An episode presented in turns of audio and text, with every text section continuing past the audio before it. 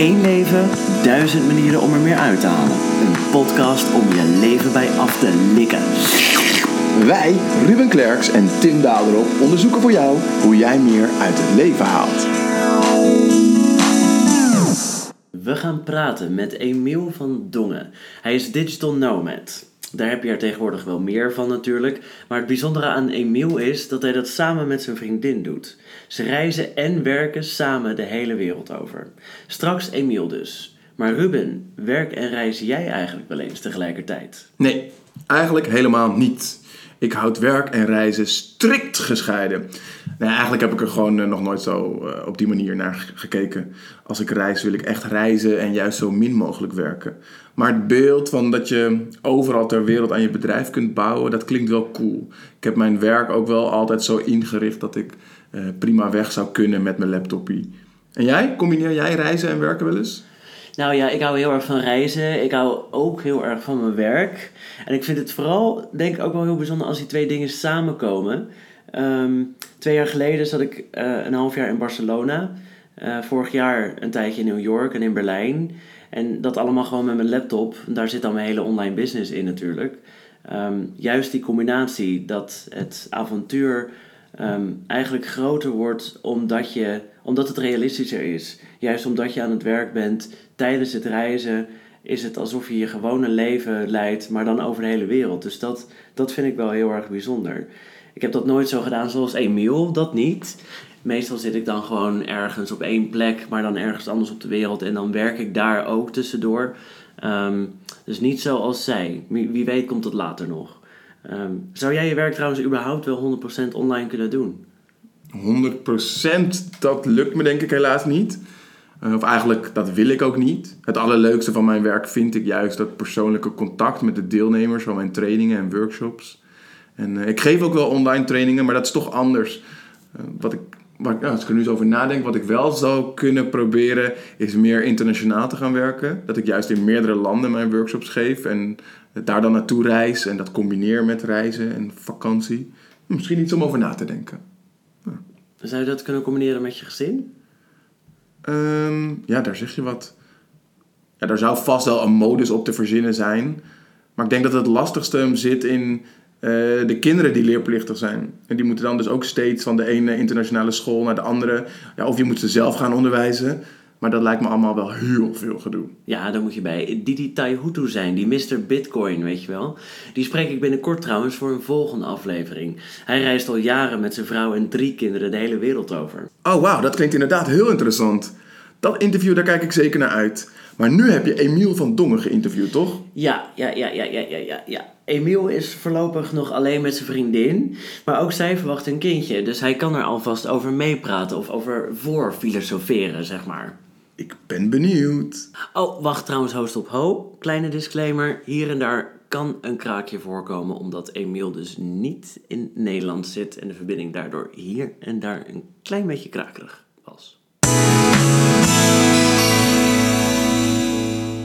Hoi Emiel, eind 2015 besloten jij en René om werkend de wereld over te reizen. Um, hoe maak je die beslissing en hoe maak je zoiets dan mogelijk?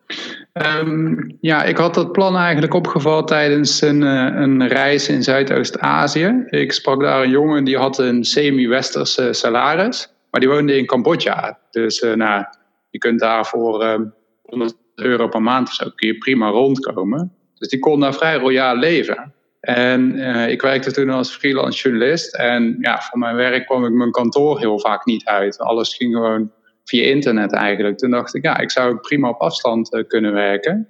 Dus ik ging daar eens een beetje onderzoek uh, naar doen. Toen bleek dat er heel veel mensen zijn die dat al deden. Aha. En ik legde dat toen aan mijn vriendin René van Heteren voor. En die was ook wel enthousiast. Die werkte toen bij BNR. Het lijkt dan wel het beste van twee werelden te zijn om en te kunnen reizen en ondertussen ook nog geld te verdienen natuurlijk. Dus ja, nee, ik, ik weet hoe het is. Ik heb het ook uh, even gedaan. En niet zo hardcore als jij en je vriendin. Over jij en je vriendin gesproken. Want ik ken natuurlijk wel meer digital nomads. Maar het bijzondere aan jullie is... Uh, jullie doen het samen. Jullie zijn liefdespartners, maar ook collega's en vrienden. Niet vijf dagen per week, maar zeven. En dat met alle stress van het reizen er nog bij.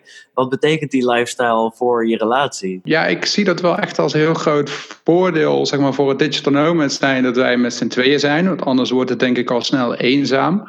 Als wij niet met z'n tweeën zouden zijn geweest, dan zou ik denk ik nooit negen maanden achter elkaar in Azië hebben gezeten, zoals wij vorig jaar hebben gedaan. En voor de relatie ik denk dat het eigenlijk wel een impuls geeft. Want we komen op zoveel gave plekken. We moeten, ontmoeten zoveel inspirerende uh, mensen. Um, we werken ook samen. Dus we hebben eigenlijk altijd wel uh, gesprekstof. Um, kijk, normaal gesproken als je al zes jaar bij elkaar bent, dan heb je niet altijd meer dingen misschien om over te praten. Maar omdat we zoveel meemaken, is dat wel het geval. Um, ik denk dat veel mensen zouden zeggen, ja, maar op een gegeven moment ben je elkaar toch zat.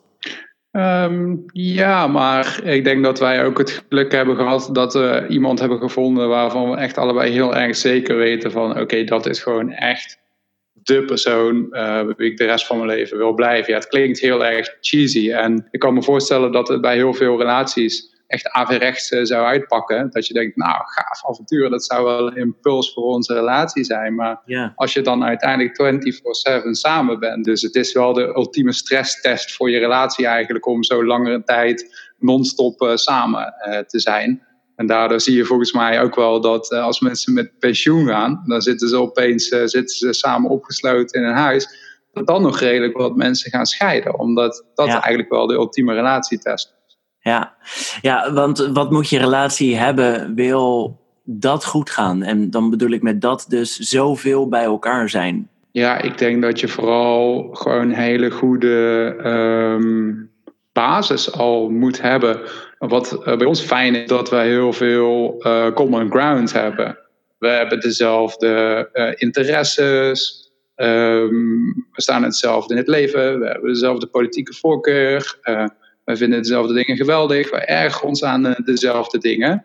En, uh, ik geloof niet in het principe tegenpolen uh, trekken elkaar aan.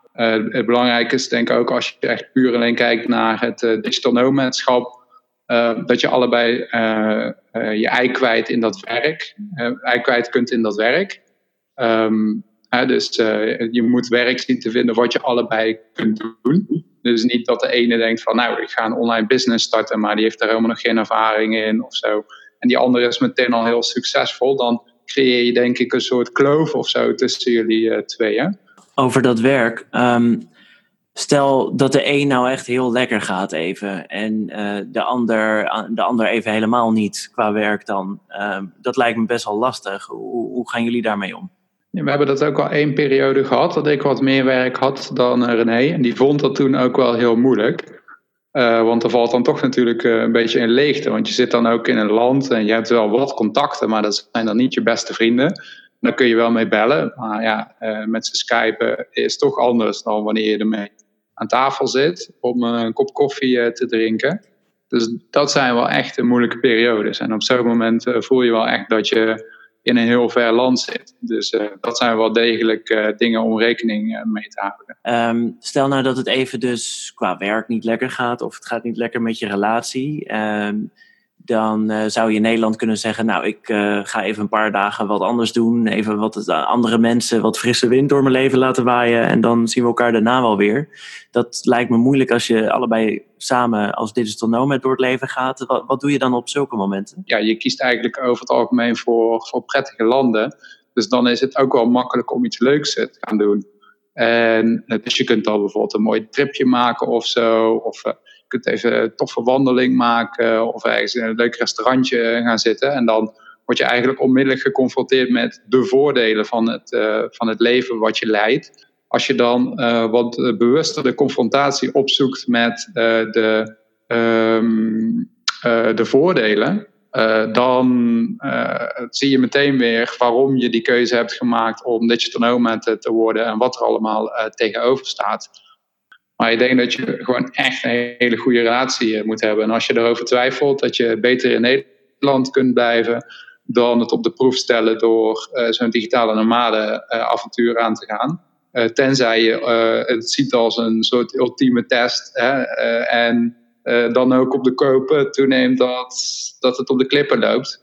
Ja, over die ultieme relatietest gesproken. Binnenkort krijgen jullie een kindje, heb ik begrepen. Wat gebeurt er dan met jullie digital nomad lifestyle en wanneer gaat het allemaal beginnen? Wij verwachten in juni ons eerste kind. dus dan gaan we dadelijk terug naar Nederland om, voor de bevalling.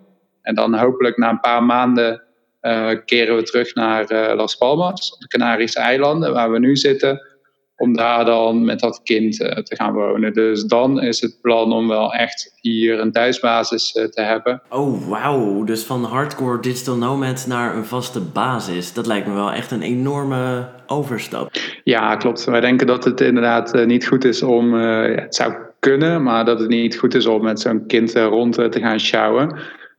Je hebt allerlei tropische ziektes natuurlijk in landen zoals Thailand, Vietnam, Indonesië... Maar ja, je wilt ook uh, dat de grootouders dat die dat kind kunnen zien. je krijgt zelf waarschijnlijk ook een intensere band met je ouders, omdat je dat kind dan hebt wat, wat zeg maar erbij komt.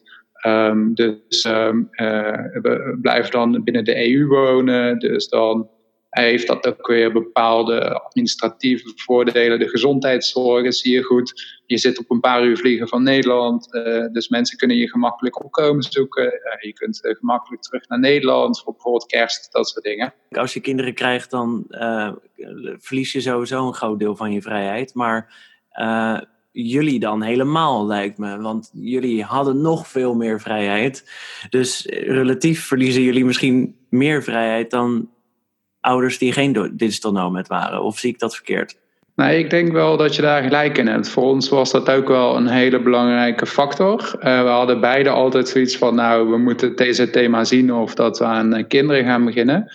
Um, en ja, we hadden echt best wel fantastisch uh, bestaan. Er waren echt wel veel momenten dat we dachten van, wow, um, knijp in mijn, arm, is dit gewoon echt, is het echt zo mooi?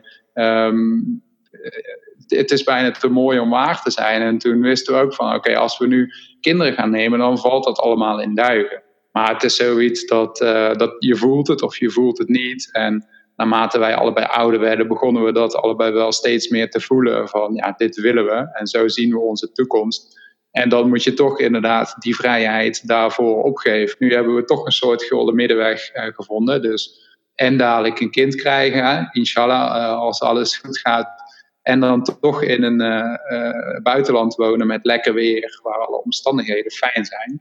Uh, dus ja, goed, het reizen zit er dan niet echt meer in, maar wel lekker werken vanuit het buitenland. Oké, nou heel fijn. genoeg tips en genoeg dingen die je niet moet doen als je samen met je partner de Digital Nomad lifestyle wil gaan starten. Um, dus succes aan die luisteraars en dankjewel Emiel. Thanks. Yes, jij ook bedankt. Joe.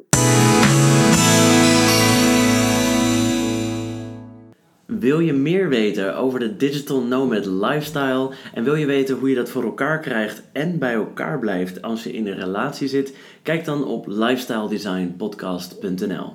Daar kun je ook een reactie achterlaten op deze aflevering. Heb jij ervaring met de Digital Nomad lifestyle of overweeg je om werken en reizen te combineren? We zijn benieuwd naar je reactie. Volgende week gaan we het hebben over slaap. Ja, en dan vooral over het belang van slaap en het effect dat slaaptekort op ons heeft. Ik spreek dan met Floris Wouterson, de eerste slaapperformance coach van Europa. Tot volgende week. Doei doei. Bye.